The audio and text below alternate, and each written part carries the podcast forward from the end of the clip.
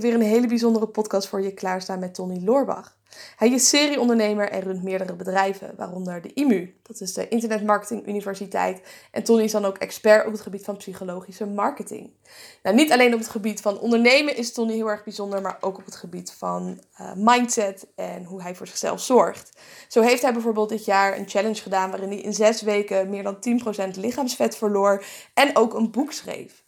Nou, wil jij meer leren van zijn topsportmentaliteit? Luister dan snel deze podcast. Hoe is het? Ja, goed. Alles, uh, alles gangetje, lekker thuis. Voor mij ja. uh, ideale levensstijl zo. Dus voor mij is niet zoveel veranderd. Ja, precies. Ja, ik heb hetzelfde. Ik werk heel veel vanuit, uh, vanuit huis. Veel online. Dus dan is het ook niet zo heel anders in deze tijd. Ja, hooguit dat de sportschool nu dicht is. Oh ja. Heb je wel iets als een sportalternatief? Ja, ik train met Damian. Nu drie oh, ja, tuurlijk.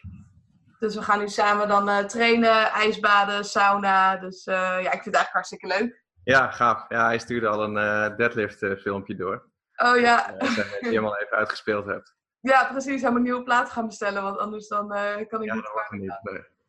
Ja, gaaf hoor. Wel, wel tof zo. Ja, en ik zag dat jij ook je eigen home gym hebt. Ja, Damian heeft me een beetje aangestoken toen. Want wij hadden dezelfde trainer. En mm -hmm. die, die ging weg bij de sportschool. En we wilden eigenlijk gewoon heel graag bij hem blijven trainen. Dus toen zijn we in Damian's schuur eh, gaan trainen. Alleen uh, ik moest er dan elke ochtend naartoe fietsen. Dan denk ik, ja, dat, dat is eigenlijk niet ideaal. Dus dan uh, maak ik gewoon een kamertje leeg en dan zet ik hetzelfde erin. Ja, ja precies. Werkt heel goed. Want kom je ook uit de buurt daar? Um, ja, ik woon op iets van 20 minuten fietsen van, van Damian. Maar oh. met slecht weer en regen was dat wel echt een route waar je s ochtends niet vrolijk van werd. Ja, zeker door de polder daar. Ja, ik ben nu toch wel heel blij met, uh, met die home gym. Dus ik kan gewoon lekker verder. En, uh, ik had sowieso altijd al de voorkeur om zoveel mogelijk thuis en buiten het sociale contact te zijn. Ja. mij ideaal. Ja, heerlijk. Ja, is voor mij ook wel voor de toekomst dat ik denk, de home gym is echt wel een uitkomst. Uh... Ja, want jij doet iets van um, Olympic weightliften, begreep ik? Of, Powerliften, ja. Dus dat Olympisch gewichtheffen is dan boven je hoofd. En mm -hmm. powerliften is echt brute kracht. En Olympisch gewichtheffen is nog meer explosief. Mm -hmm. Ik heb daar heel lang ook wedstrijden in gedaan. En nu train ik nog steeds wel uh, nou ja, met flinke gewichten, maar niet meer op wedstrijd. Uh, ja, wel wedstrijdniveau, maar niet meer voor wedstrijden, zeg maar. Nou ja, want het is nog steeds brute kracht. Ja, ja precies. Ja, tof. Ja. En uh, nou ja, wat ik al vertelde, hè, volgende week gaan we starten met een. of deze week is het al morgen al met een online cursus over topsportmentaliteit. En um, nou ja, het lijkt me heel tof om, uh, om daar ook gewoon op deze manier een stukje waarde te kunnen bieden. En uh, een beetje uh, hè, in een langere video een interview erachter komen van wie ben jij en, en wat is jouw verhaal? En ja, wat kunnen we van jou leren op het gebied van topsportmentaliteit? Want ook als ik, ik heb al een beetje mijn research gedaan. Sporten mm -hmm. doe je, maar ook alle extreme dingen. Maar ook op het gebied van ondernemen.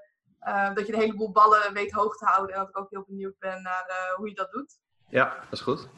En, nee, lijkt mij wel goed. Ja, ik zag dat je in 2007 begonnen bent. Was dat toen met je eigen bedrijf al? Of was dat nog toen samen met Ilko?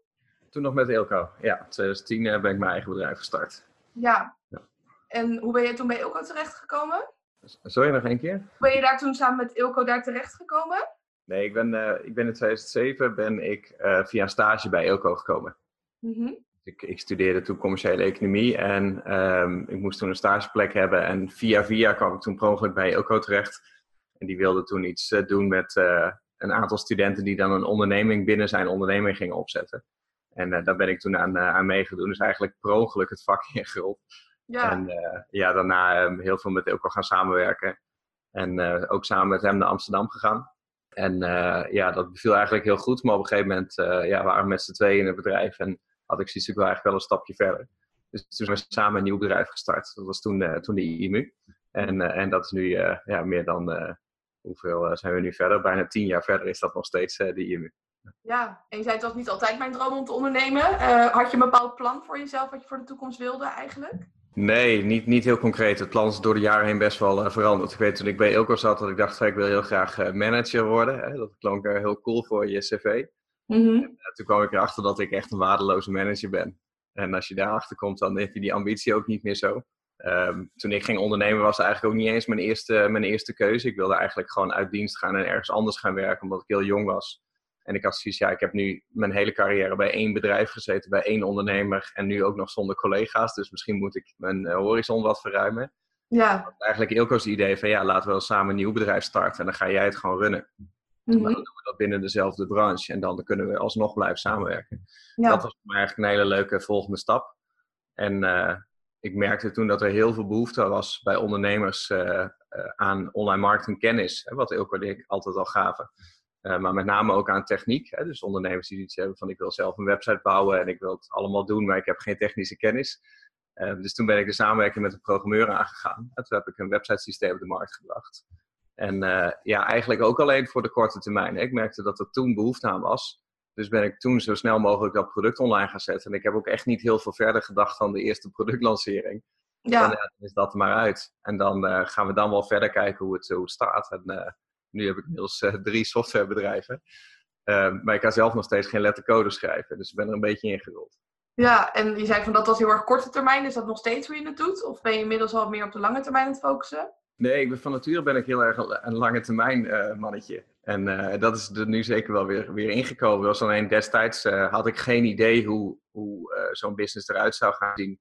En waar ik uiteindelijk naartoe wilde. En als je geen idee hebt, um, ja, dan kan je me beter gewoon gaan beginnen. Want ja, weet je, um, mijn coach Albert Sonneveld zegt het altijd heel mooi. je kan jezelf niet aan je eigen haren uit het moeras trekken. oftewel, je kan niet verder denken dan je eigen referentiekader. Ja dat had ik destijds ook van ja, weet je, ik heb geen idee hoe het eruit gaat zien. Ik kan thuis op de bank gaan zitten, erover nadenken, maar dan gaat het niet tot me komen, want het ligt buiten mijn referentiekader. Dus begin dan maar gewoon met de dingen waarvan je weet van nou, dat kan ik sowieso doen. Dat is de logische eerste praktische stap die ik nu kan zetten. En als ik die gezet heb, dan waarschijnlijk openbaart er zich wel een volgende stap die dan heel logisch aanvoelt. Ja. En dat heb ik eigenlijk altijd gedaan. Dus gewoon van de ene logische volgende stap naar de andere. Uh, en beetje bij beetje merk je dan dat zo'n bedrijf vorm krijgt. En um, ik ben dan heel erg van de consistentie. Dus gewoon constant hetzelfde blijven doen. Uh, maar proberen om dat iedere maand iets beter te doen. En ja, als je dan op een gegeven moment tien jaar verder bent, dan, ja, ik heb dan nog steeds hetzelfde bedrijf met dezelfde strategie. Alleen er zijn meerdere bedrijven bijgekomen en het hele geheel is steeds groter en groter geworden. Mm -hmm. uh, en door al die ervaring weet ik nu natuurlijk wel een beetje wat mijn lange termijn plan is, omdat ik die trendlijnen door kan trekken. Ja, en ja, eigenlijk kijk ik steeds wat de volgende logische stap is. Um, en, en, dan ben ik super consistent. Uh, nu kan ik me voorstellen dat sommige volgende stappen ook wel best wel spannend zijn, ook al zijn ze logisch. Uh, zoals het dan lanceren bijvoorbeeld van een nieuw bedrijf. Um, hoe ga je daar zelf mee om? Um, nou ja, hoeveel te vaker je iets doet, des te minder spannend het wordt. Ik ben nou inmiddels zo vaak bij de notaris geweest. Ik heb inmiddels, uh, hoeveel zijn het er? Ja, uh, zeven online marketingbedrijven en daarnaast samen met mijn broer een investeringsmaatschappij waarmee we nu ook de eerste participaties gaan doen. Um, dus gaan instappen bij andere bedrijven. We hebben nog samen een stichting opgezet. Dus ja, het is echt een, uh, een mooie collectie van BV's geworden. Dat ja. is op een gegeven moment zo spannend niet meer. Um, het is alleen, um, als ik een ondernemer zou moeten adviseren, of bijvoorbeeld mezelf adviseren, dan zou ik zeggen van hou het zoveel mogelijk bij één bedrijf bijvoorbeeld, ik heb drie softwarebedrijven. Uh, maar in alle drie de softwarebedrijven hebben we dezelfde uitdaging, namelijk dat we bijna niet aan programmeurs kunnen komen. Idealiter, als externe coach zou je dan zeggen van waarom voeg je die drie dan niet samen? Maak je er één bedrijf van, dan heb je het probleem opgelost. En je kan met één bedrijf en één product, als je dat een paar jaar achter elkaar doet, dan kan je veel en veel harder gaan dan dat je je aandacht moet spreiden over een heleboel verschillende producten. wij zeggen wel eens, je kan beter een ondernemer zijn met tien jaar ervaring dan een ondernemer die tien keer één jaar ervaring heeft. Hè? Dus ja, dan ben je nog geen expert. Ja, het gaat echt om het stapeleffect. En um, bij mij is dat een beetje per gekomen, omdat ik op een gegeven moment merkte van ja, we hebben het bedrijf al, we hebben de markt al, hè, dus de doelgroep bereiken we al, uh, we hebben de klanten. Alleen we hebben een tweede stuk software nodig, wat we, wat we echt zelf nodig hebben, waar we niet zonder kunnen. Dus dat moeten we toch gaan bouwen. En we weten dat er vraag naar is bij onze klanten, dus het zou logisch zijn om dat dan vervolgens ook aan te bieden. Um, dus, dus bij ons is het dan vervolgens logisch. Uh, en de reden dat ik dat aan een los bedrijf haal, um, is omdat ik dan de programmeurs die die software hebben gebouwd, uh, uh, ook aandelen kan geven of kan laten instappen in zo'n BV voor alleen dat product. In plaats van dat, ja, dat we straks met tien aandeelhouders zitten in één groot bedrijf waar het één groot superorganisme is, zijn het nu gewoon allemaal kleine business units die allemaal gewoon op één specifiek product focussen. En waar dus ook een aandeelhouder bij in zit die die toko dan vervolgens runt. En dat maakt mij dan als een ondernemer weer vrij om mijn focus weer over die hele collectie te kunnen spreiden. Ja, en ik kan me ook wel voorstellen dat je het op die manier wat simpeler maakt. Ja, in principe wel. Het is, ergens is het natuurlijk puur administratief, hè, want het zijn nog steeds dezelfde mensen en hetzelfde kantoor en, uh, en er is heel veel overlap. Uh, maar het maakt het wel cleaner als je een, een aantal kleine bedrijfjes hebt die op zichzelf allemaal goed moeten draaien. In plaats van dat je één heel groot bedrijf hebt met allemaal verschillende afdelingen, wat allemaal samen gestroomlijnd moet werken. Ja, precies. En nou, hoeveel bedrijven heb je dan nu op dit moment? Nou, ik ben ooit begonnen met de IMU. dat heb ik nog steeds. Dat is een, uh, het online marketingbedrijf. En dat is eigenlijk um, de, de kenniskant. Hè. Dus daar hebben we een heel groot platform met veel blogs, uh, met video's, interviews, podcasten, uh, seminars, trainingen. En de bedoeling van de IMU is dat we ondernemers zoveel mogelijk online marketing leren. Um, en dat doen we een heel groot gedeelte doen we dat gratis. Hè, want gratis geeft een veel groter bereik. Um, en geeft een stukje wederkerigheid. Hè. Hoeveel te meer je geeft, des te meer je ook terugkrijgt. En we hebben daar dan een aantal coachingsprogramma's die wel betaald zijn, hè, waar we net even een stapje verder gaan. Um, en daar zit ook een enorme community bij. Hè? Want we geloven ook dat je je doelgroep het beste online kan verbinden. In plaats van dat je alleen maar informatie zendt, gaat het meer om ja, de, de verbinding on, onderling. Hè? Dat is goed voor je werk. En uh, daaronder hangen dan een aantal bedrijven. Dus dat zijn drie softwarebedrijven. Uh, en die gebruiken eigenlijk de marketing van de IMU. Dat is dezelfde doelgroep. Um, daarnaast uh, zijn we sinds dit jaar zijn we uh, ingestapt in Traffic Leaders. Dat is een online marketing dienstverlener. Dus als wij tegen een ondernemer zeggen van nou, zo kan je ondernemen. Heb je hulp nodig? dan kan je dat of zelf doen met onze software, of wij kunnen het voor je doen middels onze dienstverlening. En dus zo kunnen we eigenlijk alle kanten op. Um, daarnaast hebben we nog salesbedrijf in Tilburg. Hè, dat is lead-opvolging via de telefoon. Hè, dus dat kunnen we ook weer voor ondernemers doen. Als ze zeggen van nou, we hebben je nu geholpen om zo'n goede website op te zetten. En je hebt nu zoveel aanvragen dat je ze niet meer aan kan. Dan kunnen wij die aanvragen allemaal voor jou nabellen en op commissiebasis gaan verkopen. Dus dat is een beetje het, het online marketing imperium, zeg maar. Um, en daarnaast hebben we dus samen met mijn broer een investeringsmaatschappij en een stichting. Um, nou, en vanuit die investeringsmaatschappij zoeken we dan nieuwe kansen waar we op in gaan stappen. En de stichting is dan uh, ons goede doelenproject, ons levenswerk, waar we uh, de komende 30, 40 jaar aan willen bouwen. En wat doen jullie daar precies mee? Um, is een soort van ondernemers voor ondernemers principe. dus um, wij merken dat ondernemerschap heeft ons heel veel gebracht. Um, en in staat gesteld om alle dingen te doen die wij kunnen doen. Maar ja, wij zijn gezegend om in Nederland geboren te zijn. Waar je echt alle kansen hebt en alle mogelijke vangnetten hebt. Dat zie je nu ook in de coronacrisis ook. Dat uh, in de eerste week van de crisis was er eigenlijk al vanuit de regering een boodschap van... maak je geen zorgen ondernemers, wij helpen jullie of je nou groot of klein bent. Hè, je kan gewoon letterlijk, dat is nog nooit voorgekomen, dat er is een, er is een probleem wereldwijd. Uh, en Nederland zegt, als je nu als ondernemer in de problemen bent, je hebt echt acuut een probleem, dan kan je direct 4000 euro gaan ophalen. Ja. Nou, bizar. Hè? Ja, dat, dat, dat, uh... ja en, en ik weet dat er heel veel ondernemers echt nog lang niet geholpen zijn bij die maatregelen, maar sta er even bij stil hoe gezegend je dan bent. En uh, wat dat betreft heb je als, als Nederlander echt geen excuus om niet te gaan ondernemen. Het kan eigenlijk niks. Ik weet dat een heleboel mensen bang zijn om te ondernemen, maar jij zegt inderdaad van, nou ja, de, de, de mogelijkheden liggen er en je hoeft niet uh, daarin bang te zijn voor een stukje zekerheid.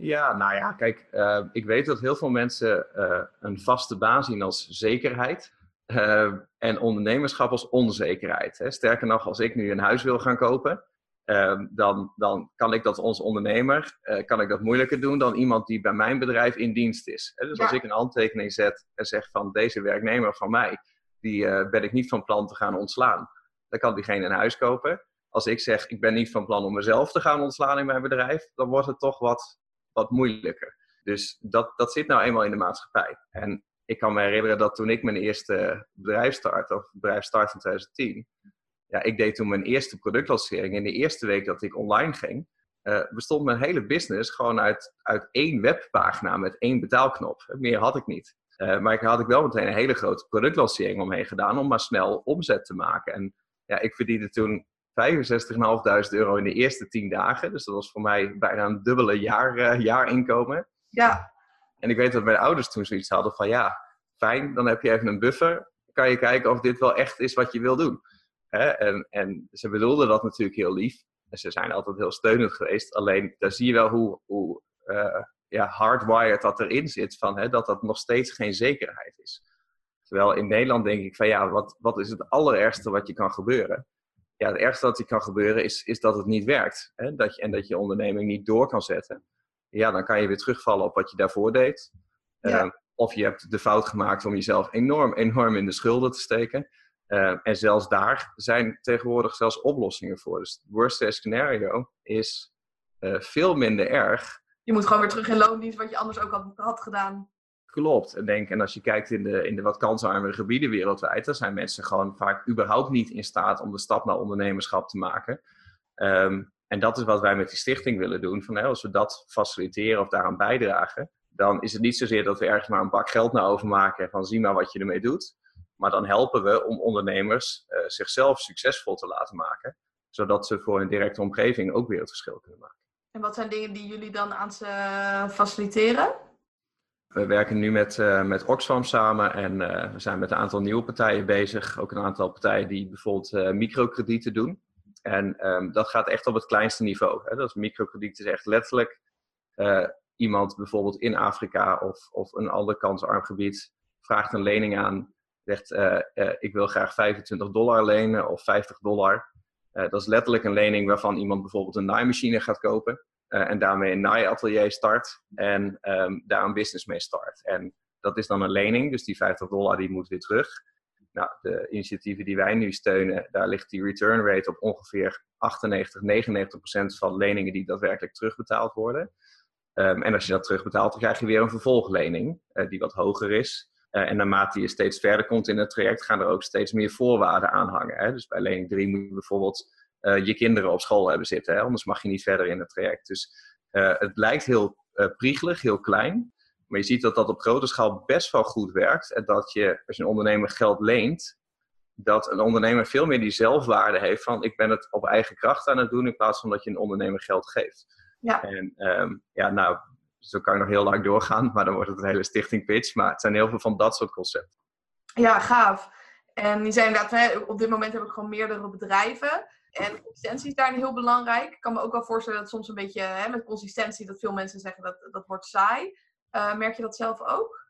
Uh, ja, nou, um, ik, ik ben best wel altijd heel uh, enthousiast over alles wat gewoon wat, wat meer consistent is. Maar misschien ben ik een beetje een saai type. Um, maar ik kan me dat heel goed voorstellen. Weet je, de meeste mensen die naar lange termijn kijken, merken gewoon, als je een lange termijn doel hebt, dat dat een soort van korte termijn frustratie geeft. En, en, en dat is waar je eigenlijk altijd wel tegen, tegen worstelt. Hè? Het opstarten van een bedrijf is superleuk, maar het, het uitbouwen en het structureren van een bedrijf, dat is gewoon niet zo leuk werk. Um, en daar moet je ook een heel ander type voor zijn. Hè? Als jij een creatief type bent, dan heb je elke dag meer ideeën dan, dan wat goed voor je is. Um, en als je een van die ideeën moet gaan kiezen om uit te voeren, dan zegt dat eigenlijk al van nou, hè, al die andere ideeën die, die, die laat ik links liggen. Uh, en de potentie die dat had, dus die potentie die verlies je als het ware. En wat er op dat moment gebeurt, is dat je een soort van natuurlijke verliesaversie krijgt. Hè, dat het verlies veel zwaarder weegt dan de potentiële winst van dat project wat je daadwerkelijk bent gaan doen. Um, en dat blijft gewoon, naarmate je langer bouwt aan hetzelfde, is er constant die verliesaversie van alle andere dingen die je, die je ook had kunnen doen. Dat is een beetje een paradox. En ik ben me daar denk ik heel bewust van. Um, dat, dat het zo werkt. Want dat betreft ben ik meer lange termijn denker.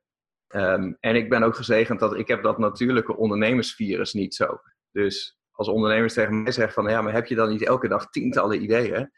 Nee, dat heb ik niet. Dus ik heb, over het algemeen heb ik heel weinig ideeën. en de ideeën die ik heb, daar ga ik dan maar op door. Ja, en die, zijn dan ook, die werken ook heel goed, als ik het zo hoor. Ja, maar ik denk dus dat je als ondernemer niet per se een heel goed idee hoeft te hebben. Je, je hoeft helemaal niet een gat in de markt te hebben. Je hoeft niet iets te hebben wat er niet is. Uh, je hoeft niet de enige in het land te zijn die iets doet. Sterker nog, dat is vaak een heel dom idee. Want op het moment dat jij uh, een product op de markt gaat brengen of een idee, en er is echt letterlijk niemand die dat doet, um, dan of je hebt uh, net die 0,0001% te pakken, wat echt een gat in de markt is, wat de wereld gaat veranderen. Of je hebt iets te pakken waar heel veel ondernemers over na hebben gedacht en daar uh, de moeite niet van in hebben gezien. En op het moment dat je iets gaat doen waar uh, in ieder geval een aantal andere mensen zijn die dat al doen, dan weet je, hier is markt voor. Hè? Er zijn mensen die hier naar zoeken, mensen kopen deze producten ook daadwerkelijk, want was dat niet het geval, dan was er geen concurrentie geweest. Dus het hebben van concurrentie is eigenlijk een heel goed eerste signaal. Het betekent namelijk dat er potentie is. Ehm, en je hebt iets om aan te spiegelen. Vervolgens moet je alleen gaan kijken van hoe zorg ik ervoor dat ik me onderscheid ten opzichte van die concurrenten. En niet per se dat ik me onderscheid simpelweg omdat ik de enige ben die dit doet. Ja, precies. Dus dat stukje weerstand hè, van die concurrenten die er is, die heel veel mensen zien als, oh eh, spannend, ik ga maar niet in die markt zitten. Zeg jij van, nou ja, ja, ga juist daarin zitten, want dan weet je ook dat er markt voor is. Ja, absoluut. Ja, dat, uh, dat ehm, heb ik altijd een heel goed signaal gevonden. En ik denk dat um, ook als je zeg maar een heel gemiddeld idee hebt, je gaat gewoon iets doen wat, wat honderden, duizenden andere mensen al doen.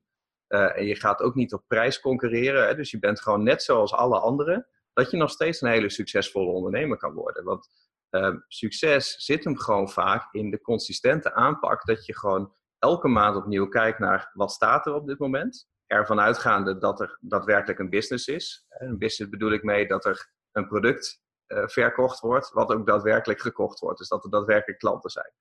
Zolang er geen verkopen worden gemaakt, uh, dan heb je niet een business, maar dan heb je een hobby. Ja. Dan kan je jezelf rijk rekenen van de potentie, maar er is nog niks.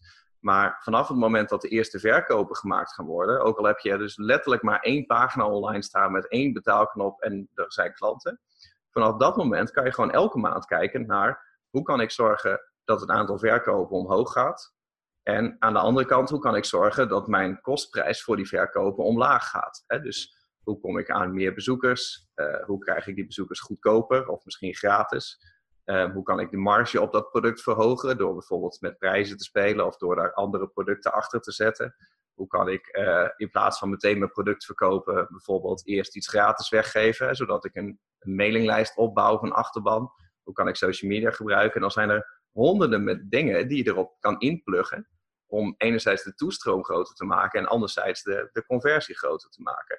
En als je dat maar lang genoeg doet en je verbetert elke maand, volgens mij maakt het dan eigenlijk niet uit wat voor business je in eerste instantie had, kan je sowieso succesvol worden. Ja, als je gewoon maar al die extra pijlers optimaliseert en uh, ook bereid bent om door dat saaien, om maar zo te zeggen, erheen te gaan, dan, uh, dan komt het wel goed. Dan komt het wel goed, ja. Ja, en hoe zoek jij dan zelf de, de uitdaging? Ik zag al even op Instagram dat je ook uh, nou ja, challenges tof vindt om te doen. Ja. Uh, is dat iets waar je dan ook de uitdaging in vindt? Ja, nou de challenge uh, die ik dit jaar heb gedaan, dat was, was nieuw voor mij. dat was een, um, een, ja, een combinatie tussen iets fysieks en iets mentaals. Um, dat is wel leuk om, om te vertellen, want daar ga ik wel op door. Dat was voor mij best wel een lifehack. Um, want ik heb een, ik heb een home gym en ik heb een thuistrainer. En dat is voor mij heerlijk comfortabel. Hè? Die man die komt hier uh, drie keer in de week om mij een uurtje af te beulen. En uh, dan is hij om negen uur s ochtends, tien uur s ochtends weer vertrokken. En dan heb ik de hele dag geen schuldgevoel, dus dat is top. Um, alleen hij probeert al een hele tijd mij ertoe aan te zetten van zullen we gewoon even een keer een soort van metamorfose doen. Hè? Dus een before foto en een after foto. En ik wilde dat eigenlijk liever niet. Want um, ja, dan moet ik aan mijn voeding gaan letten en dan moet ik verantwoording aan hem afleggen. En ik heb best wel een autoriteitsprobleem, dus ik wil dat eigenlijk niet. Maar uh, begin van het jaar had ik, uh, de eerste zes weken van het jaar had ik, was ik in Nederland en daarna zou ik op twee weken op vakantie gaan. Dus ik dacht van nou, dit is wel het moment om een keer toe te zeggen, want dan hoeft zo'n challenge maar zes weken te duren. In plaats van de twaalf weken die hij graag wilde. Ja. Dus we zijn er zes weken samen aan de slag gegaan. Hè? Dus zes weken lang uh, alle voeding perfect doen, uh, trainingsschema perfect doen en proberen om zo groot mogelijk contrast te krijgen in zes weken tijd op, op fysiek niveau. Um, en ik dacht, als ik dat toch ga doen, dan ga ik heel veel thuis zijn. Ga ik mijn agenda leegmaaien, omdat ik het dan echt helemaal perfect wil doen. Uh, dacht, dan doe ik er een mentale challenge bij. Dan ga ik in zes weken tijd een boek schrijven. Um, want ik wilde ook al de hele tijd een boek schrijven. En dat is echt een grote, grote impact voor mijn business. Dus dat is voor mij gewoon zes weken lang uh, schrijven, trainen, schrijven, trainen, schrijven, trainen geweest. Um, en beide is gelukt. Hè? Dus een mooie, mooie afterfoto online gezet. In zes weken een boek geschreven, wat uh, ja, volgens mij morgen geleverd wordt bij ons op kantoor. Dus uh, ook heel gaaf geworden. Het boek ook zo dik geworden dat ik het in eerste instantie ook te dik had geschreven om door de brievenbus te passen. Oh, wow. Papiersoort moeten verdunnen, maar woog in eerste instantie volgens mij bijna twee kilo. Um, maar dat, dat is heel gaaf. En ik heb gemerkt van die combinatie, die is eigenlijk ideaal. Dat je uh, dat die sport als basis neemt. Hè, want bij die sport hoort namelijk ook je voedingsschema en je slaap. Dus ik wist van tevoren al zes weken lang, ik ga elke week ben ik alleen op maandag op kantoor. dinsdag tot en met zondag ben ik thuis. Zaterdag is mijn vaste ontspanningsdag. En die andere dagen ben ik gewoon thuis en ben ik alleen maar hiermee bezig. En ik wist zes weken lang van tevoren al precies wat ga ik eten op welk moment de komende zes weken lang. Op welke momenten ga ik welke training doen. En alle gaten daartussen ben ik alleen maar met mijn boek aan het schrijven. Ja, dat was echt een life hack. Dat geeft zo'n extreme hyperfocus. Dat uh, ja, ik ga het gewoon twee of drie keer per jaar ga ik zo'n challenge doen. Uh, om gewoon alles af te tikken wat ik dat jaar in ieder geval had willen doen. En als de rest van het jaar is dan gewoon bonus.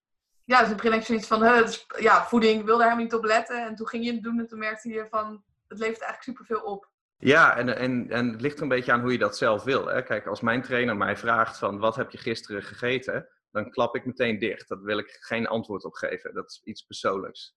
Um, we hebben ook een tijdje gehad dat ik hem elke dag moest mailen wat ik gegeten had en op welk moment. Werd ik helemaal gek van. Dat, dat kan ik niet. Maar uh, wat we nu hebben gedaan, is dat hij mij gewoon geïnterviewd heeft over wat zijn alle voedings, uh, wat is alle voeding wat je, wat je lust, wat je lekker vindt dan maak ik daar een schemaatje van wat je, per, wat je door de week moet eten. En vanaf dat moment is het jouw verantwoordelijkheid. Uh, dus ik zal er ook niet naar vragen. Dus dat is een soort van compromis wat we hebben gesloten. Ik ja, ik wil het best wel goed doen, maar ik wil er niet op gecontroleerd worden. En werkt het goed voor je om het op die manier te doen? Ja, maar ik denk dat dat dus voor iedereen heel persoonlijk is. Sommige mensen hebben het dus juist nodig om gecontroleerd te worden. Andere mensen klappen juist volledig dicht. Uh, je moet altijd een beetje zoeken naar wat is, uh, wat is 100% haalbaar voor mij als je zoiets gaat doen. En of dat nou een zesweekse challenge is, of, of vier weken, of, of, een, of een weekend.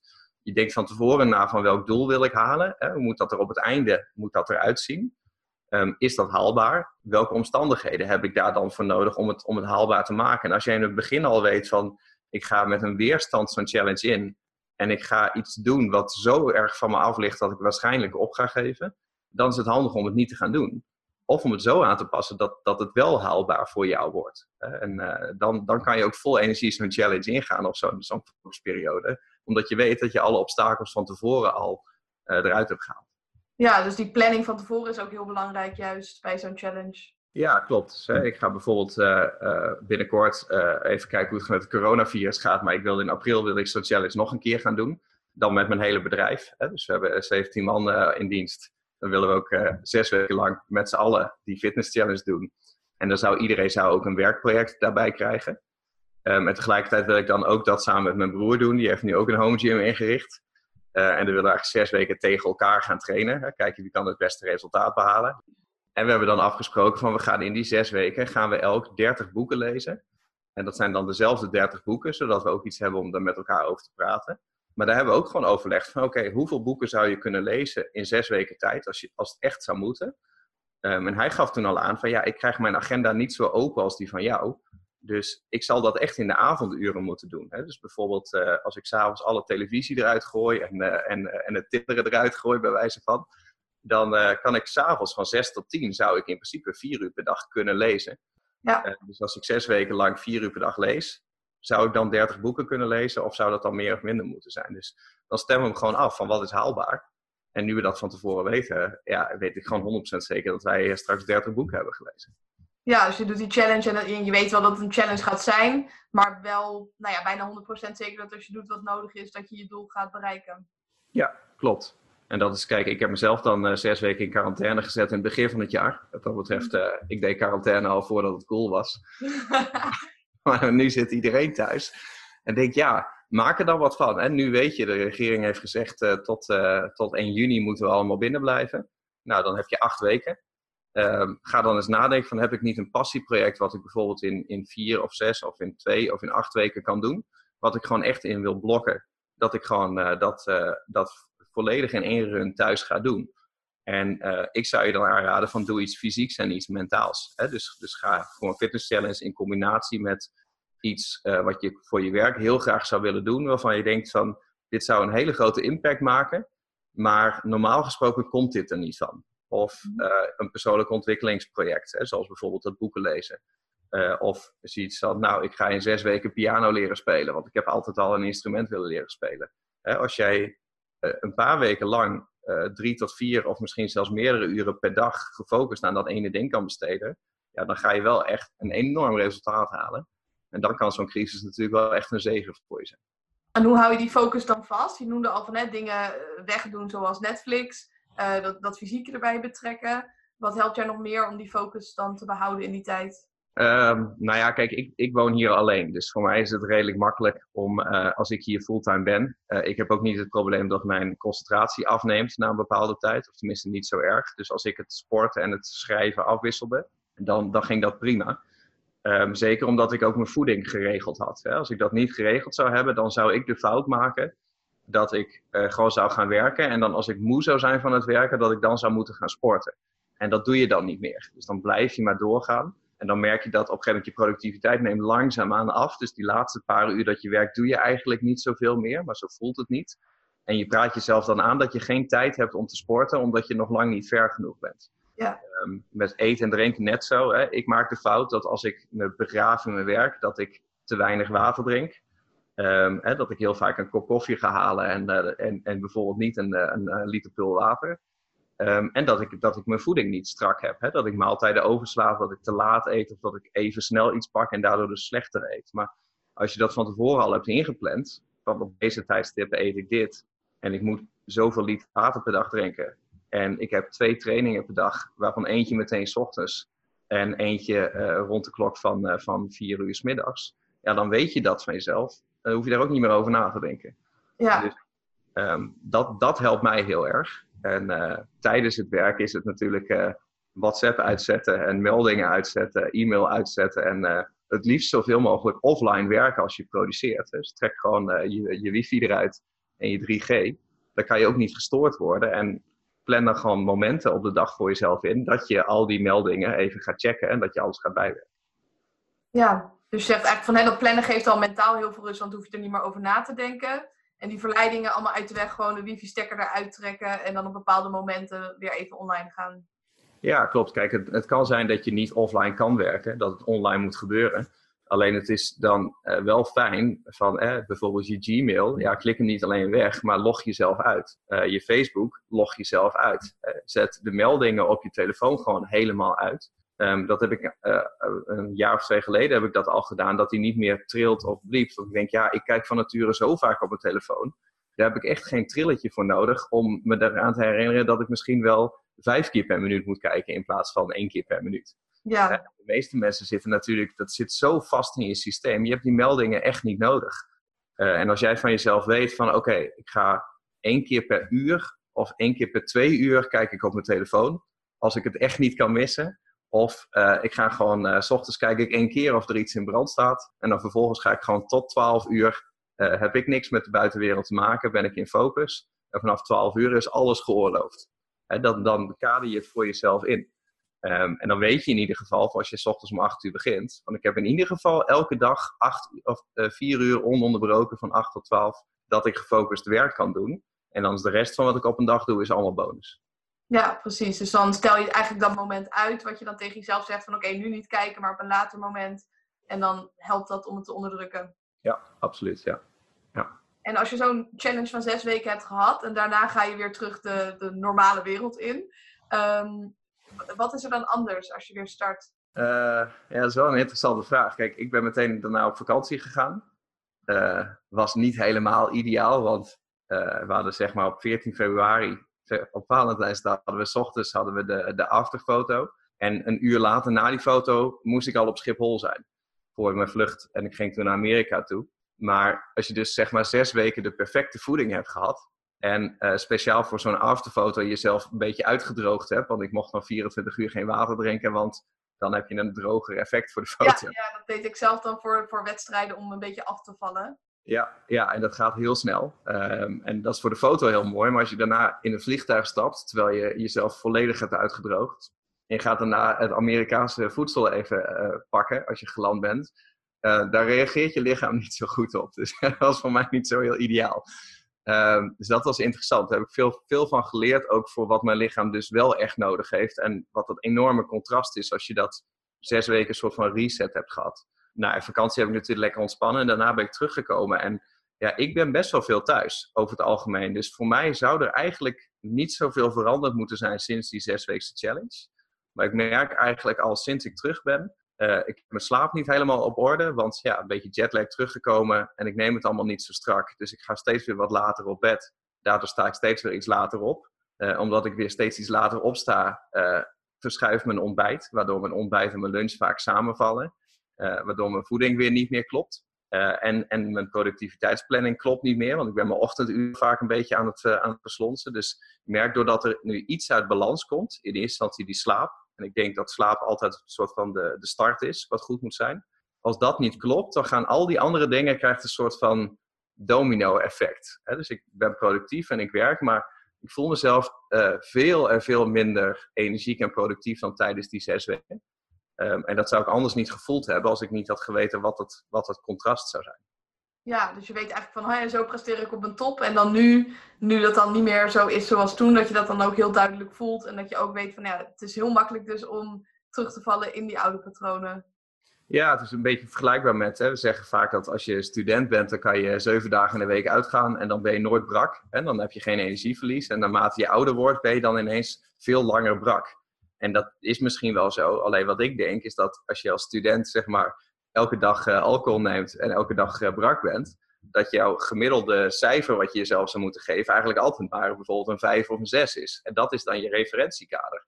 Dus als je altijd een 5 of een 6 bent, dan voelt dat als jouw 100%.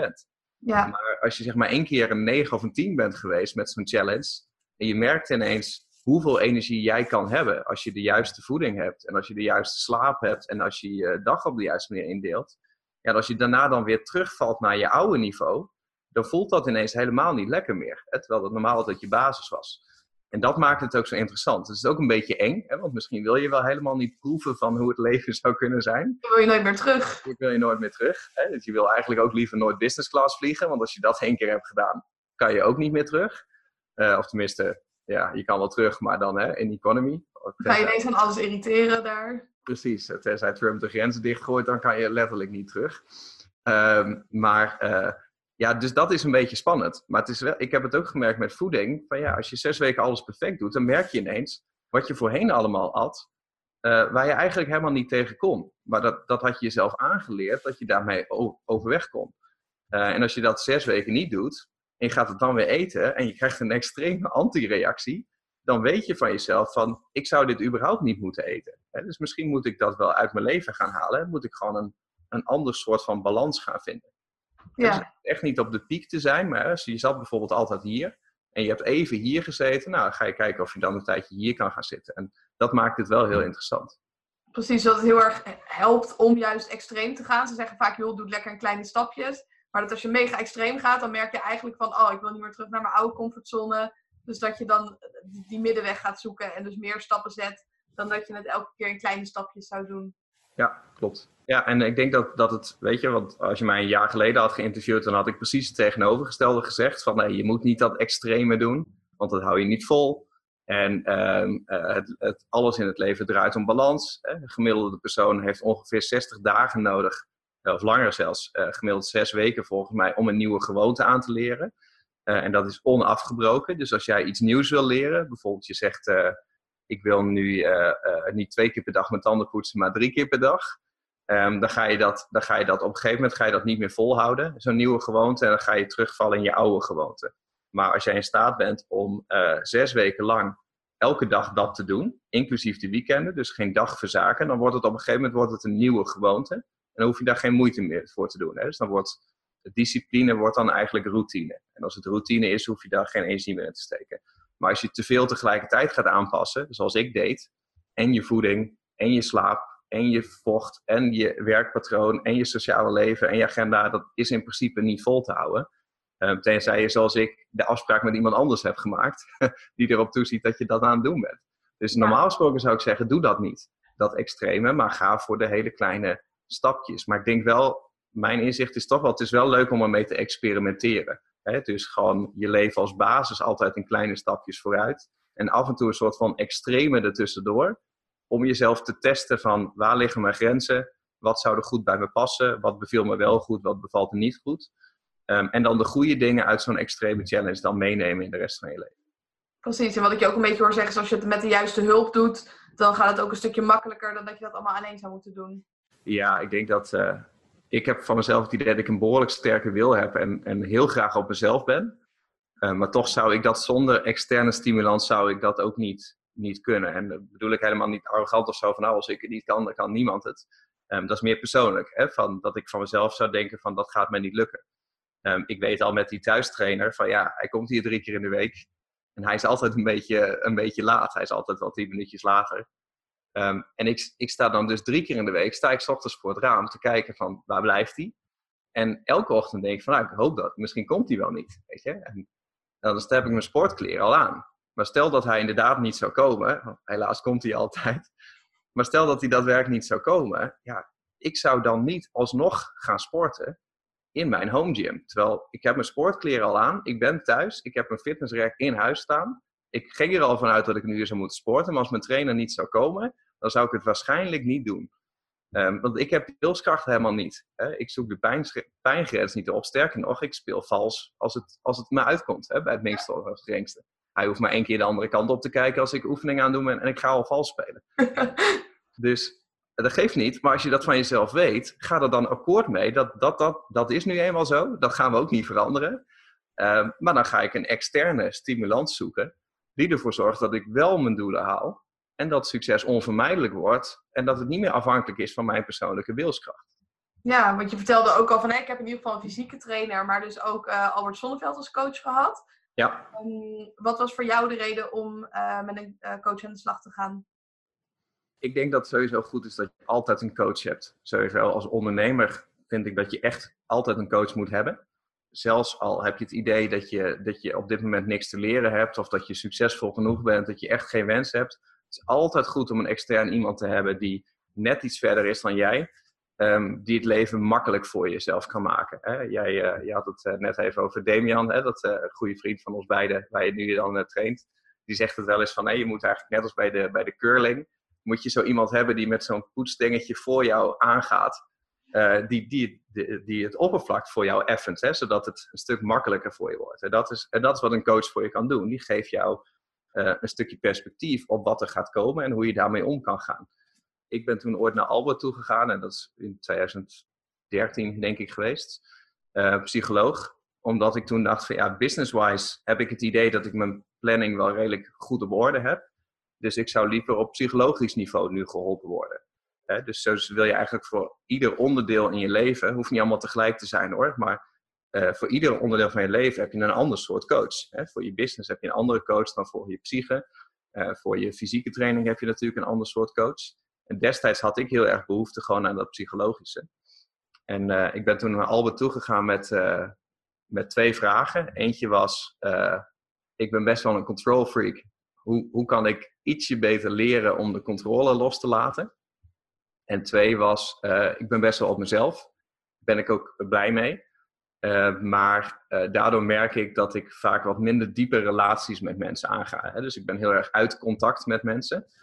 Um, ondanks dat ik spreker ben en op podia sta, best, is er veel afstand. Ja. Dus, dus, hoe kan ik meer in contact komen met mensen en hoe kan ik zorgen dat ik diepere relaties aanga? En dat waren voor mij twee persoonlijke vragen. Uh, maar die wilde ik natuurlijk ook in mijn business gebruiken. Want als je bijvoorbeeld personeel hebt en een team gaat bouwen, dan moet je echt leren loslaten. En dan moet je ook zorgen dat je diepere relaties met de meest belangrijke mensen in je team aangaat. En hoe ben je dat gaan doen? Die controle loslaten en die relaties aangaan? Ja, dat, dat, dat is een proces. Um, ik denk controle loslaten, dat, dat is een van de moeilijkste dingen die, uh, die we hebben. Volgens mij uh, de angst om de controle te verliezen is ook een, een angst die, die ieder mens heeft. Volgens mij is dat zelfs een aangeboren angst. Je hebt eh, van nature, als je geboren wordt, je hebt de angst om niet geliefd te zijn. En je hebt een bepaalde angst om de controle te verliezen. Vaak is dat iets meer vertegenwoordigd in de angst om te vallen, bijvoorbeeld. Of de angst voor hard geluid. Dat zijn schrikeffecten en dat zit hem allemaal in de basis in dat je bang bent om ergens geen controle over te hebben. Um, en, en hoeveel te ouder je wordt en hoeveel te meer je uh, verzamelt, naar jezelf toetrekt, des te moeilijker wordt het om, om dat weer los te laten. En dat is eigenlijk is dat een heel tegennatuurlijk principe. Hè? Dat je ziet eigenlijk geen enkel dier in de, in de natuur, zie je doen wat wij doen. Hè? Dat we denk, verzamelen En dat we alles wat we verzamelen dan bij onszelf vast willen houden. Zelfs als dat helemaal niet goed voor ons is. dus bijvoorbeeld, ik start een bedrijf. Ik uh, krijg mijn eerste klanten. En vanaf dat moment heb ik ook klantenservice. dus ik krijg mails binnen en die moet ik beantwoorden. En na een paar jaar is die klantenservice zo groot geworden dat ik daar uh, vier, vijf uur per dag mee bezig ben. Dat is dan iets wat ik verzameld heb. En dat is iets wat ik eigenlijk niet zou willen hebben. Want ik vind klantenservice vind ik niet leuk om te doen. Sorry dat ik het zeg, maar vijf uur mails per dag beantwoorden vind ik niet leuk. Uh, en toch vond ik het dan heel moeilijk om dat dan los te laten. Uh, en dan aan iemand anders te geven. Hè? Zonder uh, het over de schutting te gooien of met iemand mee te kijken. denk, je wil het echt uitbesteden. En dat betekent dat je het niet alleen weg moet geven, maar dat je ook het vertrouwen daarbij moet geven dat het goed komt. Um, en dan moet je iemand daar dus autonomie in geven. En dat zijn op zich hele moeilijke dingen. Um, en ik heb heel erg gemerkt dat hoeveel te meer je vasthoudt, krampachtig, des te minder ruimte je zelf hebt om iets nieuws toe te laten. Hè? Dus op een gegeven moment verzadigd, je kan geen nieuwe dingen meer aan, geen nieuwe dingen meer leren. En als jij iets vasthoudt en niet aan een ander geeft, dan ontneem je de ander de mogelijkheid om daar iets beters van te maken en om zelf te groeien. En dat speelt zich eigenlijk allemaal in je bovenkamer af. En als dat helemaal klopt, dan merk je dat je eigenlijk stap voor stap beter wordt uh, in het loslaten, omdat je er gewoon meer mee aan het oefenen bent. Ja, dus, dus daarin bij, bij het loslaten was meer die mentale stap die je eerst moest zetten, voordat het, uh, nou ja, de, de, de, fysieke stappen, dat je die kon zetten. Uh, hoe was het met die verbindingen met anderen aangaan? Ging dat ook op die manier? Um, ja, een soort van. Albert, Albert, is echt een, geniale geest. Ik heb ook samen met een podcast met hem Uh, en ik vind dat altijd een feestje om naar hem te luisteren hoe hij dingen analyseert en met wat voor oplossingen die komt. Maar het kan ook een hele frustrerende man zijn uh, als hij je op iets wijst wat gewoon uh, wat, wat kortsluiting maakt zeg maar, in je hele systeem. Hè? Bijvoorbeeld als het ging over in contact zijn met mensen. Op een gegeven moment stelde hij me, waarom ik dacht, een vraag die niet relevant was. Dus hij zei, Tony, um, wat betekent vrijheid voor jou? Wat is jouw definitie van vrijheid? En ik zei van nou, vrijheid is voor mij dat ik uh, kan doen wat ik wil, uh, wanneer ik het wil, zo vaak ik het wil, waar ik het wil, zonder daarbij enige vorm van verantwoording af te hoeven leggen aan iemand anders. En dat, dat is wie ik altijd ben geweest. En daar zit ook dat isolement. Hè? Daarom ben ik ook graag op mezelf op afstand, want dan hoef ik geen verantwoording af te leggen aan andere mensen. Daarom heb ik ook mijn eigen business. En hij zei van nou, interessant. Mijn definitie van vrijheid is dat ik er in mijn leven voor de volle 100% mee akkoord ben. Dat ik in mijn leven volledig afhankelijk ben van andere mensen. En dat, tegenovergestelde. Ja, dat is het tegenovergestelde. En ik had zoiets, ja, waarom, waarom weet je?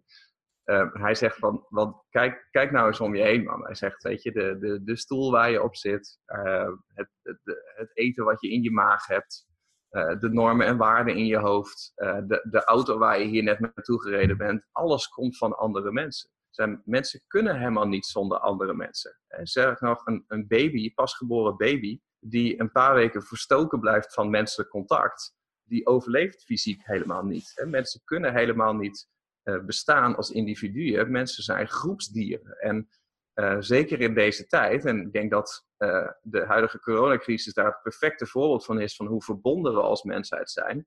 Je hebt helemaal niet de optie om eruit te stappen. Sterker nog, daar, zo, zo, zo ben je niet gebouwd. En op het moment dat je ermee akkoord gaat dat een heel groot gedeelte van jouw leven gerund wordt en bepaald wordt door andere mensen, um, dan moet je ook leren vertrouwen op die andere mensen. Want als je dat niet doet, dan moet je alles zelf doen. Ben je altijd uit contact uit contact zijn kost een mens veel meer energie dan in contact zijn, want in contact zijn is je natuurlijke staat. Um, en op het moment dat je vertrouwt op andere mensen, van oké, ik vertrouw op de kennis die ik tot me krijg, ik vertrouw op de, de computers en de hardware die ik gebruik, ik, gebruik, ik vertrouw op de mensen in mijn team en om me heen dat ze de juiste dingen doen. Op een gegeven moment ontstaat er steeds meer vertrouwen. En hoeveel te meer vertrouwen er komt, des te meer je van nature in contact bent met al die mensen. En des te meer vertrouwen jij hebt in de andere mensen om je heen, des, des te vrijer jij wordt. Ja. Dus het is eigenlijk een beetje de paradox van als jij onafhankelijk wilt zijn, dan sta je er buiten. Dan ben je 100% op jezelf aangewezen. Moet je alles zelf doen, ben je dus niet vrij. Op het moment dat je accepteert dat je 100% afhankelijk bent van andere mensen, dan laat je dus een heleboel los. Gaat het naar andere mensen toe, waardoor jij dus vervolgens vrij bent. Dus betekent eigenlijk dat vrijheid staat gelijk aan afhankelijkheid. En onafhankelijkheid staat gelijk aan niet vrij zijn. En ik had het dus precies verkeerd op. Ja, dus door dat inzicht maakt dat het ook makkelijker om die connectie met anderen te krijgen?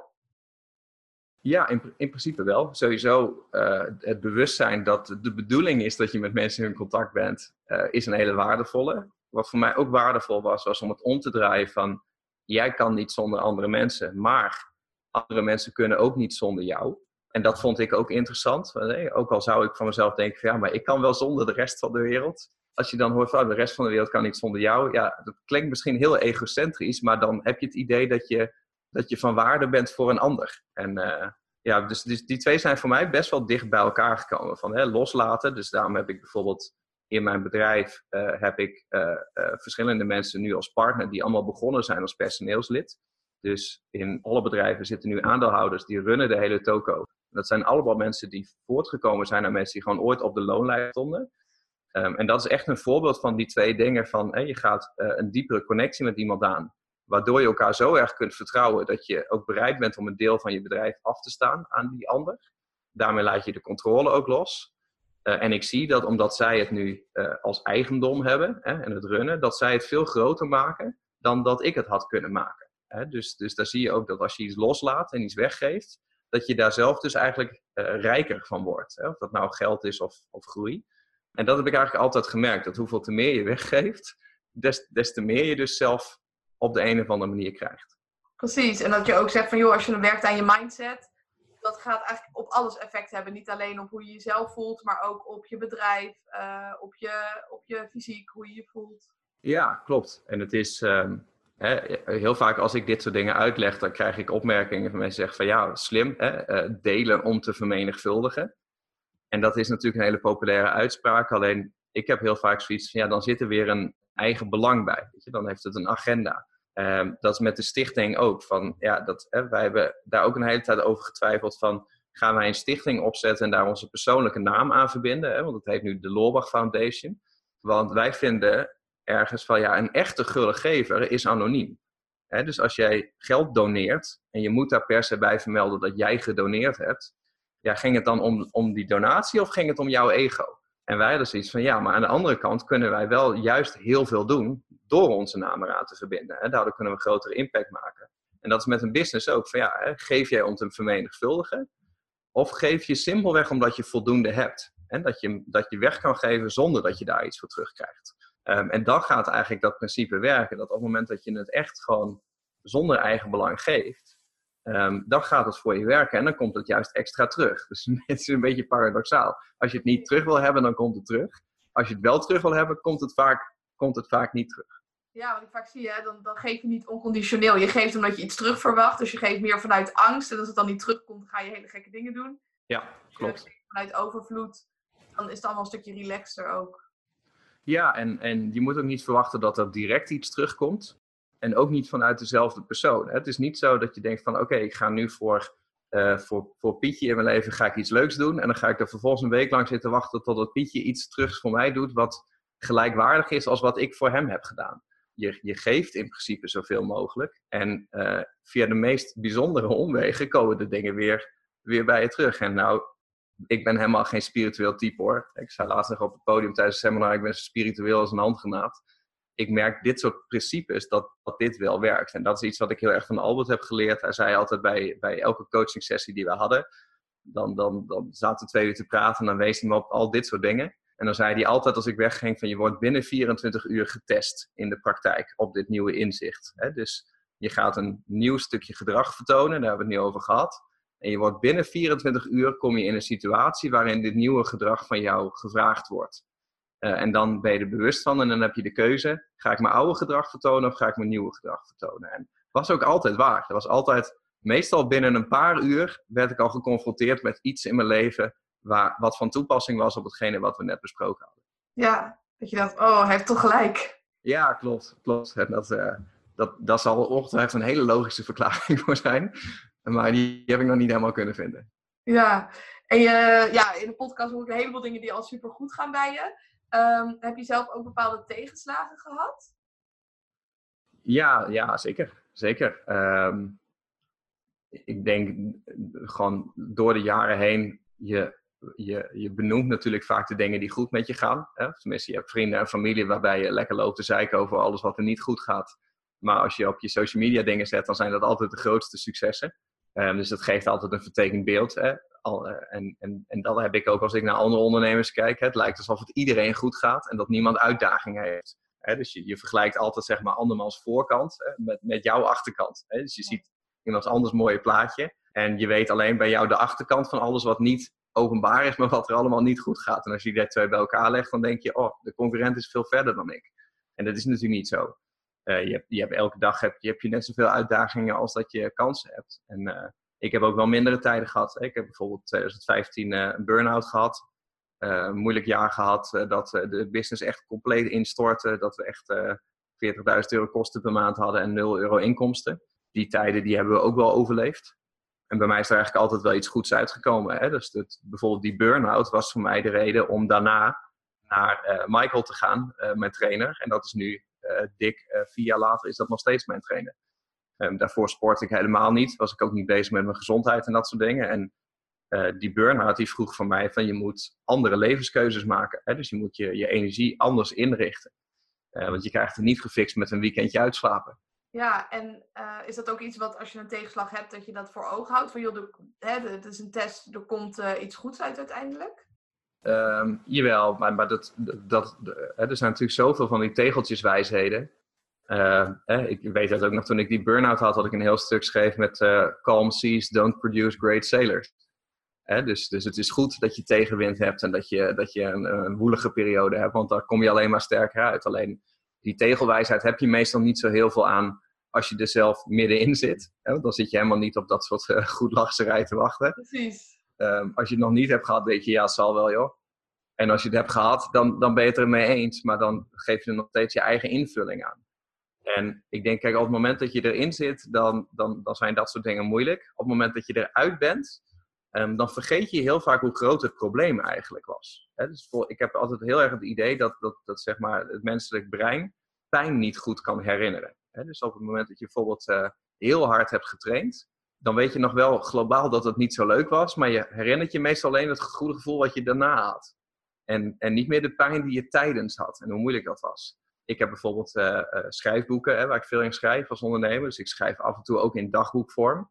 En dat doe ik al sinds 2007. Dat ik af en toe als ik ergens zit, dan schrijf ik even rustig uit van hoe ziet mijn leven er nu uit.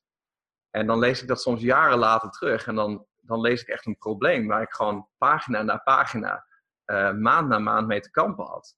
En dan zit ik er nu naar te kijken en denk, hoe kon ik in godsnaam zo lang dit kleine probleem hebben? Want um, als ik dat probleem nu zou hebben, dan zou het binnen een uur opgelost zijn. En destijds had ik er misschien wel een jaar voor nodig om dat probleem op te lossen. En dan vergeet je het weer.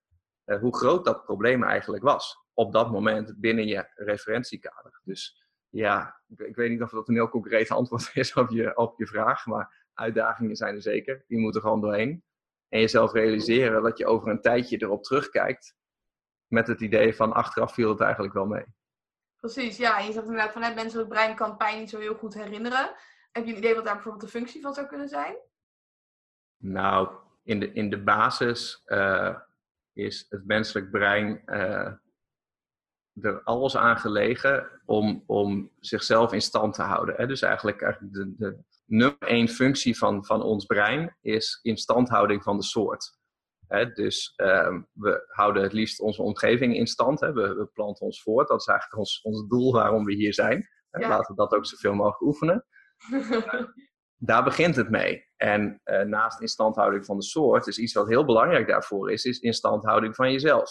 Want als jij jezelf niet in stand houdt, dan kan je jezelf ook niet vermenigvuldigen. Nee, Al dan niet voor anders zorgen. En hè, er wordt natuurlijk wel gezegd van mensen doen meer voor een ander dan voor zichzelf. Hè, we zijn uh, groepsdieren, om het zo maar te noemen. Dat is ook helemaal waar. Maar um, dat komt pas op het moment dat we zelf veilig zijn. Dus er zit een laag onder en dat is een egocentrische laag. Dus ons, ons oudste stuk van ons brein, ons reptiele brein, is in de kern een egocentrisch brein. Dat, en dat is niet leuk om te horen, maar dat is iedereen. In eerste instantie kijken we naar onze eigen overleving. Wat is goed voor ons? Uh, en als wij het goed genoeg hebben, hè, dus er is geen gevaar meer, er is geen paniek meer, er is geen bedreiging voor ons bestaan, dan gaan we kijken naar wat is goed voor de mensen om ons heen. En als het gaat om pijn, hè, dat is een iets nieuwer stuk van ons brein. Hè, dus we hebben onze hersenstam, um, dat zijn eigenlijk dus het reptiele brein, daar zit dat onderbewustzijn. Um, daaromheen zit ons, uh, ons zoogdierenbrein, hè, de insula, dat is iets nieuwer en dat is meer ons emotiecentrum. En het emotiecentrum kan je heel kort door de bocht samenvatten met een balans zoeken tussen genot, winnen en pijn vermijden. dus dat is wat jij als mens voortdrijft. Hè. Je kijkt constant bij elke actie die je zet van kan ik hier eventueel genot mee winnen? Zo ja, dan doe ik dat. Of kan ik hier eventueel pijn mee vermijden? Zo ja, dan doe ik dat. Ja. En pijn vermijden weegt veel zwaarder dan genot winnen. Dus mensen hebben een aangeboren verliesaversie. Dat betekent dat wij veel en veel meer doen om verlies te voorkomen dan dat we doen om genot te winnen. Dus we doen ook meer om pijn te vermijden. Dat zit, dat zit in ons oerinstinct. Dus dat is waarom we heel vaak uh, onszelf niet pushen, waarom we heel vaak nieuwe dingen niet opstarten, omdat we bang zijn om te verliezen. En op het moment dat we iets pijnlijks hebben gedaan, uh, dan proberen we die pijn uh, zo zo snel mogelijk te vergeten. Want het menselijk brein wil geen pijn ervaren. Het menselijk brein wil pijn vermijden. Um, en dat is ook waarom ik denk dat, dat het moeilijk vinden om dus te herinneren hoe pijnlijk een bepaalde situatie ook was. En dat, dat is heel kort door de bocht, hè, want je hebt ook te maken met trauma's die wel actief zijn. Je hebt ook te maken met trauma-onderdrukking, waarbij het brein juist gezegd heeft van deze pijn is te groot, die gaan we in een aparte sectie zetten, zodat je daar niet de hele dag bij kan. Uh, daar, kunnen we, daar kunnen we het heel lang over hebben. Um, maar ik merk dat gewoon die basisgedachte, dat dat me heel erg helpt in mijn eigen ontwikkeling. Dat ik af en toe bewust door die grens heen moet van, ik ervaar verliesaversie en daarom doe ik iets niet. Laat ik het dan toch maar doen. Ja, dus dat bewustzijn dat dat al heel erg helpt. En ook dat, dat stretchen, die challenge opzoeken om juist die pijn te ervaren. Ik zag bijvoorbeeld ook dat je met Wim Hof uh, in, in ijsbaden bent geweest. Ja. Om dat dan toch te trainen. Ja, klopt. Ja, en dat, en dat is ook weer externe stimulans hoor. Want uh, Damian die uh, vroeg mij, die was met Wim mee geweest naar de Pyreneeën. En die was van bruggen afgesprongen en die had allemaal gekke dingen gedaan. En ik had zoiets, ja, zal wel joh. En hij vertelde dat heel enthousiast. Toen zei hij, ja, Wim gaat binnenkort een week naar Polen. En dat was echt nog helemaal in het begin. En dan kon je met Wim Hof zelf dan, met een groepje van 20 mensen naar Polen toe. En dat was dan naar Polen zonder kolen. En dat was dan een week confrontatie met kou en uh, angst. En Damian zei toen van, ga anders mee. en ik zei, uh, nee, geen, echt geen haar op mijn hoofd die daaraan denkt. En uh, ik zat toen een dag of twee daarna zat ik op het terras toen met mijn broer en we zaten lekker biertjes te drinken. We hadden ook wel behoorlijk wat biertjes op. En toen had ik het lumineuze idee dat ik zei tegen mijn broer van eigenlijk zouden wij dat gewoon eens moeten doen. En we doen nooit eens iets geks. En uh, dit is doodeng. Maar uh, hoe gaaf zou het zijn als we dat gewoon gedaan hebben? Hè? Dat we gewoon in onze korte broek bergen kunnen beklimmen terwijl het 20 graden onder nul is. En dat we in ijsbaden kunnen zwemmen en dat soort dingen. Dus toen heb ik Damian geappt van koop maar gewoon een ticket voor mij dan betaal ik je later wel terug. Daar had ik ochtends natuurlijk extreme spijt van. Toen... dat zijn niet de standaard acties die mensen doen als ze dronken zijn, denk ik, of een paar biertjes op uh, hebben. Nou, ik, ik, denk dat heel veel mensen nog wel eens iets, iets ruimer in de grenzen zitten als ze gedronken hebben. Ik heb voor mezelf ook een hoop regels. Ik mag bijvoorbeeld geen mensen meer appen als ik gedronken heb. Uh, dit is een van de redenen daarvoor. Uh, maar ik kon natuurlijk s ochtends niet tegen Damian zeggen van ik heb het bedacht, ik was uh, dronken en uh, draai het maar terug. Dus uh, zijn we maar gewoon meegegaan. En heb ik gelukkig mijn broer mee kunnen slepen in het avontuur. En ja, een van de mooiste ervaringen uit, uit mijn leven geweest. Dus, dus dat is wel heel gaaf. Alleen soms heb je wel even dat, dat extra zetje nodig. Ja. ja, precies. Ja, heel vet. En je zegt inderdaad, als ik er nu op terugkijk, zijn dat is het een van de mooiste ervaringen uit mijn leven. Um, wat voor verschil heeft dat bijvoorbeeld voor jou gemaakt, die reis? Nou, um, het, het uh, laat je gewoon heel erg inzien, eigenlijk net zoals met zo'n challenge, dat je, je gaat een bepaalde periode, uh, zoek je de grens ineens heel snel heel extreem op. Dus wij zitten dan in Polen en je hebt geen idee wat Wim van plan is. Ook vanwege het feit dat Wim zelf ook geen idee heeft wat hij gaat doen.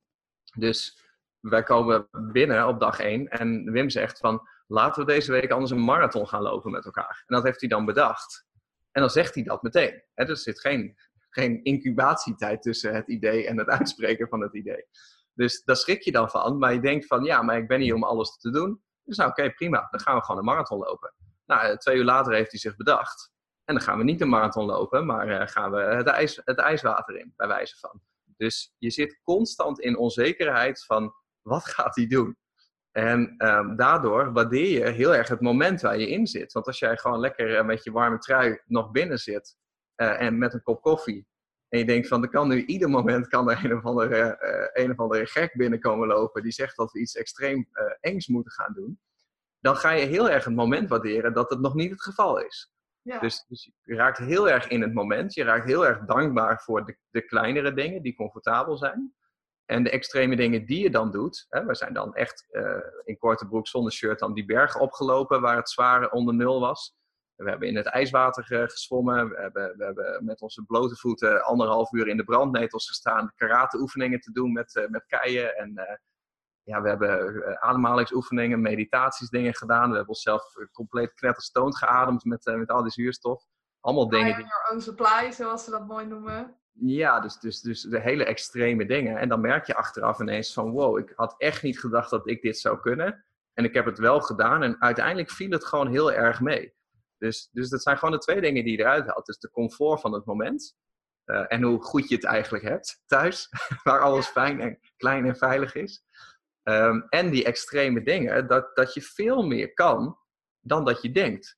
Um, en als je het eenmaal hebt gedaan, dan, dan, dan zit het daarna binnen je referentiekader. Dan weet je voor altijd dat je het kan. Maar zolang je dat niet hebt gedaan, dan, dan ligt het er altijd, er altijd buiten. Um, dus als je dat setje nodig hebt van ik moet wel vaker gewoon iets spannends doen. Um, ja, dan is zoiets is natuurlijk wel heel gaaf. Precies. Dus als mensen aan jou zouden vragen, joh, hè, ik, ik wil graag aan mijn mindset werken, wat, uh, wat zou ik kunnen doen? Zou je dan ook adviseren van ga gewoon kijken hoe je bepaalde challenges kan doen?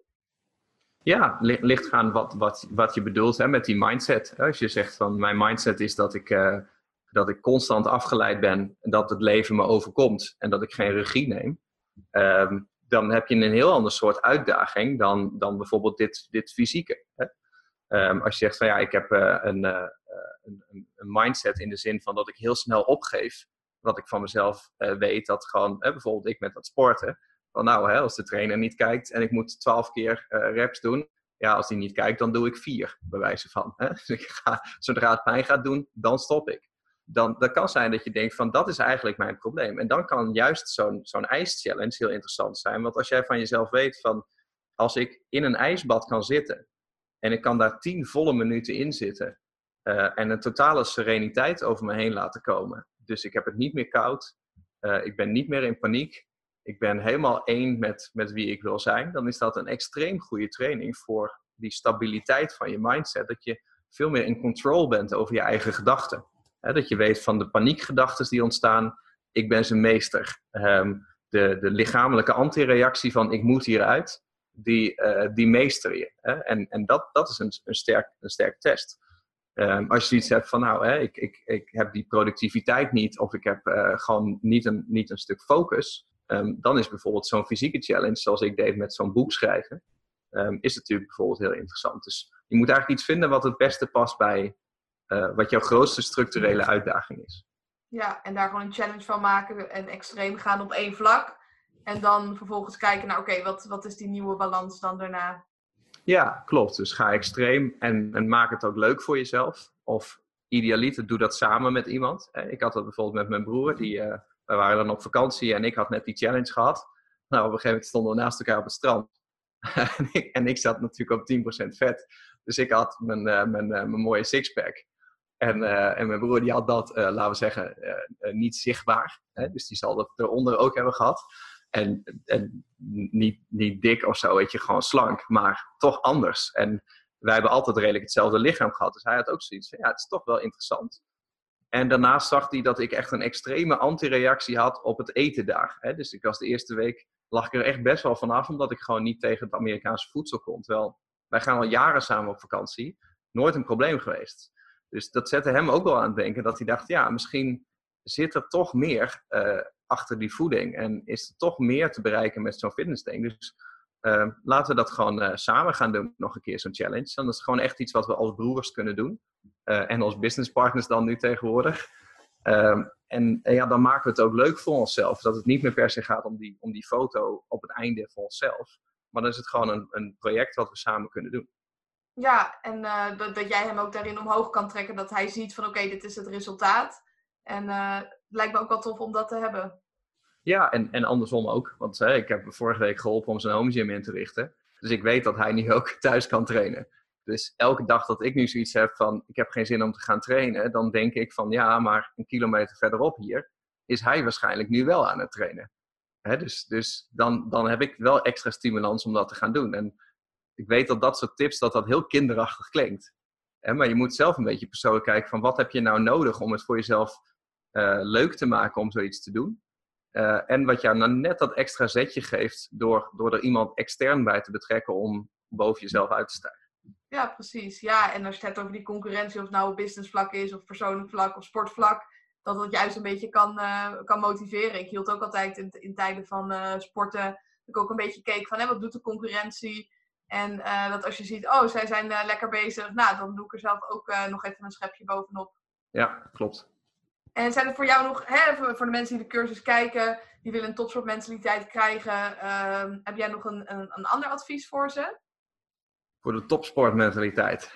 Ja. ja, het is geen leuk advies, denk ik. Dus het kan zijn als ik het uitspreek dat ik ook nog een leuk advies vind. um, maar er zaten volgens mij al best wel wat leuke dingen in waar je wel wat mee kan. Um, maar ja, kijk, er zijn heel veel topsporters die natuurlijk aangeven dat het leven van een topsporter een best wel egoïstische uh, levensstijl is. Um, en ook tegelijkertijd een eenzame levensstijl. Um, en ik heb dat uh, als ondernemer ook altijd gevonden. Hè? Dus er wordt wel gezegd, ondernemen is topsport. Ik denk altijd een beetje raar en denk, ja, als ik zie hoe de gemiddelde ondernemer met het lichaam en met zijn energie omgaat, dat heeft met topsport niks te maken. Dus ik weet nog dat ik het er ooit met Jochem Uitdagen over had, hè? Olympisch kampioen schaatsen. Uh, toen zei ik dat ook een keer voor per ongeluk. Toen was ik nog jong, wist ik niet beter. Zei ja, zei, ondernemen is topsport. Toen zei hij, oh oké, laat me je trainingsschema dan eens zien. En toen dacht ik, ja, die heb ik niet. Dan is het ook geen topsport. En ik denk van ja, dat, dat is niet met elkaar te vergelijken. Maar de mindset als ondernemer van je, je, je gaat ergens voor, je hebt een doel. Uh, en daar moet heel veel voor wijken. Hè? Dus betekent dat je sociale leven er vaak onder lijdt. Um, dat je vaak nee moet zeggen tegen vrienden en tegen familie. Dat je heel vaak echt voor jezelf moet kiezen.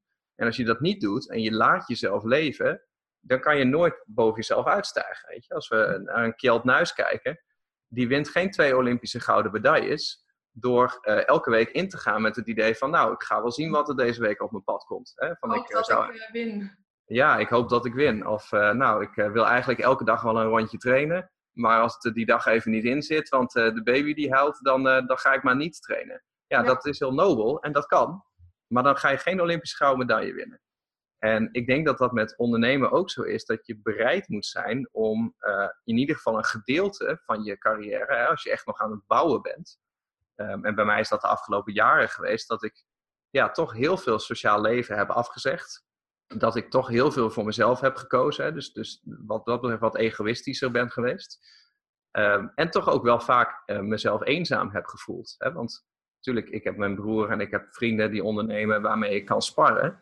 Uh, en ik heb nu gelukkig allemaal compagnons ook in mijn bedrijf en een leuk team. Maar ik heb natuurlijk ook jaren gehad dat ik er echt alleen voor stond. En dat ik dacht, ja, ik ben de enige die mijn, die mijn business begrijpt. Dus ik kan mijn successen alleen maar alleen vieren. En ik moet mijn tegenslagen moet ik ook alleen zien te overwinnen. En dat is, dat is, best, wel, dat is best wel eenzaam. Kijk, ik weet dat als je dat maar lang genoeg doet, dat er op een gegeven moment dat er een stip op de horizon is. Uh, waar ik nu bijvoorbeeld ben, dat ik denk, oké, maar ik ben nu wat meer vrij geworden. Uh, en de, het bedrijf staat, of de bedrijven dan, het loopt. Het is groter dan dat ik kan zijn. En ik kan nu mijn vrije rol er weer in kwijt. En ik kan doen wat ik wil. Uh, en ik, ik ben nog maar 32, hè, dus het is een investering waard geweest. Ik zou dat niet mijn hele leven willen doen. Maar ik denk wel dat, dat je bereid moet zijn, als je echt een hoger doel wil halen, dat je dus die twee dingen omarmt. Hè? De, het stukje eenzaamheid en het stukje egoïstisch zijn. Ja, dus door die pijn eigenlijk heen gaan en dat discomfort. Ja, klopt. En uh, weet je, ik vond het interessant, ik hoorde laatst Rico Verhoeven een stukje zeggen daarover. Hè, is natuurlijk ook iemand die dit, dit, dit uitlegt. Dat hij zegt van ja, het is egoïstisch hoe je moet leven. Hij zei maar, je kan het een beetje zien in je sociale leven. Van, hè, zie het maar als een, als een, als een, een boom. Zei, daar zitten over een paar blaadjes aan. Uh, en bij het eerste of geringste zuchtje wind, dan waai je die blaadjes eraf. Hij zei, nou, dat zijn eigenlijk je derde graads contacten. Hè? Dus dat zijn kennissen, mensen die je kent waarvan je denkt dat het je vrienden zijn, maar bij de minst afgerekende tegenslag, dan waai je die weg. Dus daar, daar moet je, hoef je niet van te hebben. dan heb je de, de, kleine takjes waar die blaadjes aan zitten. Die zijn nog iets robuuster, die blijven wat langer bij je. Maar als het echt gaat stormen, dan gaan die takjes ook wel knakken. Dan breken die af. Uh, en hij zei, dan heb je de, de stam, hè, de kern. En hij, het maakt niet uit hoe hard het waait, die stam blijft altijd wel staan. hij zei, en dat is, dat is onderdeel van jouw basis. Dat is onderdeel van wie je bent en onderdeel van jouw groei. Dus dat zijn de mensen om je heen die dichtst bij je staan, die letterlijk onderdeel van jouw basis zijn. Hij zei, als je dan voor jezelf moet kiezen en een doel najaagt, hou dan wel die stam in de gaten van welke mensen wil ik wel heel bewust uh, mijn energie in investeren. Hè? Waar wil ik, daar wil ik heel bewust tijd voor maken. Um, en ik denk dat dat voor heel veel mensen raadzaam is hoor. In plaats van dat je een heel groot sociaal leven hebt, dat je met iedereen uh, contact onderhoudt en dat je met iedereen een oppervlakkige relatie hebt. Dat als je echt een doel nastreeft, dat je zegt van nou, ik maak mijn sociale leven veel kleiner. En die paar mensen die erin zitten, daar heb ik, uh, uh, daar heb, heb ik onverdeelde aandacht voor. Hè? Daar ga ik echt die relatie in, uh, in uitdiepen. Dat vond ik zelf een hele geruststellende gedachte. Ja, en wat, ja, het inzicht wat ik eruit haal is dat, dat vaak mensen zeggen: ik wil meer lak krijgen aan de mening van anderen. Uh, maar dat je dat dan vooral moet zien als die blaadjes en die takjes, maar dat die, die stam van binnen, uh, dat je daar wel meer op kan focussen. Ja, klopt. Ja, kijk, lak aan de mening van anderen. Ik denk dat, je, dat je, het altijd goed is om je eigen plan te volgen. Um, ik denk ook dat het altijd goed is om te luisteren naar wat andere mensen zeggen, maar niet naar wat alle andere mensen zeggen. Hè? Dus ik zou alleen luisteren naar de mensen waar je waarde aan hecht.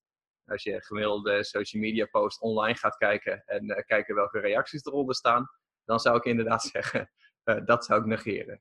Ja, precies. Ook als je ziet wat voor een haat sommigen over zich heen krijgen, dan is het maar goed dat ze het negeren, want anders dan waren ze al lang gestopt.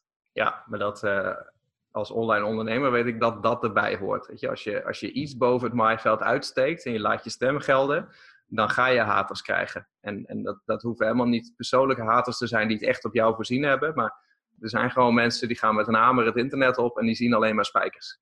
Hè? Dus die slaan op alles wat ze tegenkomen. En ja dat, ja, dat hoort er gewoon bij. Hoe ga je daar zelf mee om dan? Nou, nu heel goed. Nu raakt het me niet. Uh, ik ga ook discussies nooit aan, uh, want het kost alleen maar energie. Uh, ondanks dat ik heel vaak op het punt sta om iemand te zeggen wat ik ervan denk. Maar nee, ik, negeer het gewoon. Weet je, haat verwijderen we. kritische feedback, daar, daar reageren we via een omweg vaak op, niet in het, open, niet in het publieke domein.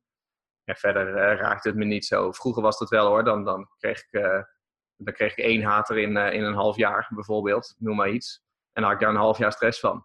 Uh, en dan, dan had ik, lag ik s'avonds in bed en dacht ik van, nou misschien ga ik er wel mee stoppen, want ik zie het helemaal niet meer zitten, want mensen vinden me niet meer leuk. En dan was het gewoon één iemand die dan iets vervelends had gezegd. Ja. Dus ja, daar moet je een beetje een dikke huid voor, uh, voor leren opbouwen. Precies, ja, want anders kom je ook nooit verder als één iemand zoveel waarde eh, heeft van de negativiteit en dan bij wijze van spreken dat je ermee wil stoppen. Ja, klopt. Ja. Nou, hartstikke bedankt hiervoor in ieder geval. Ja, graag gedaan. Ik hoop uh, dat je er iets mee kan. En, ja, uh, zeker. Ja, online wel zien. Iedereen die uh, met zijn challenge gestart is. Precies, wat ze allemaal gaan doen voor gekke fratsen. Ja, zeker waar, ja. Ja, en als het je tof lijkt om een keertje samen te trainen, dan, ik kom bij Damian natuurlijk ook langs, dan kom ik je gerust een keer afmatten. Ja, ja ik, weet, ik weet niet of ik dat durf, want ik heb een filmpje gezien inderdaad van hoe jij de gym hebt uitgespeeld. dus ik weet niet of ik me dan nog, nog heel sterk voel als ik daarnaast ga staan. ook een goede uit de comfortzone komen manier. Zeker waar. Ja. Nou, hele fijne dag in ieder geval. Ja, is goed. Komt ja. helemaal in orde. Yes. Mooie timing. Ga ik mijn volgende meeting weer in. Precies, succes. Jo, hoi hoi.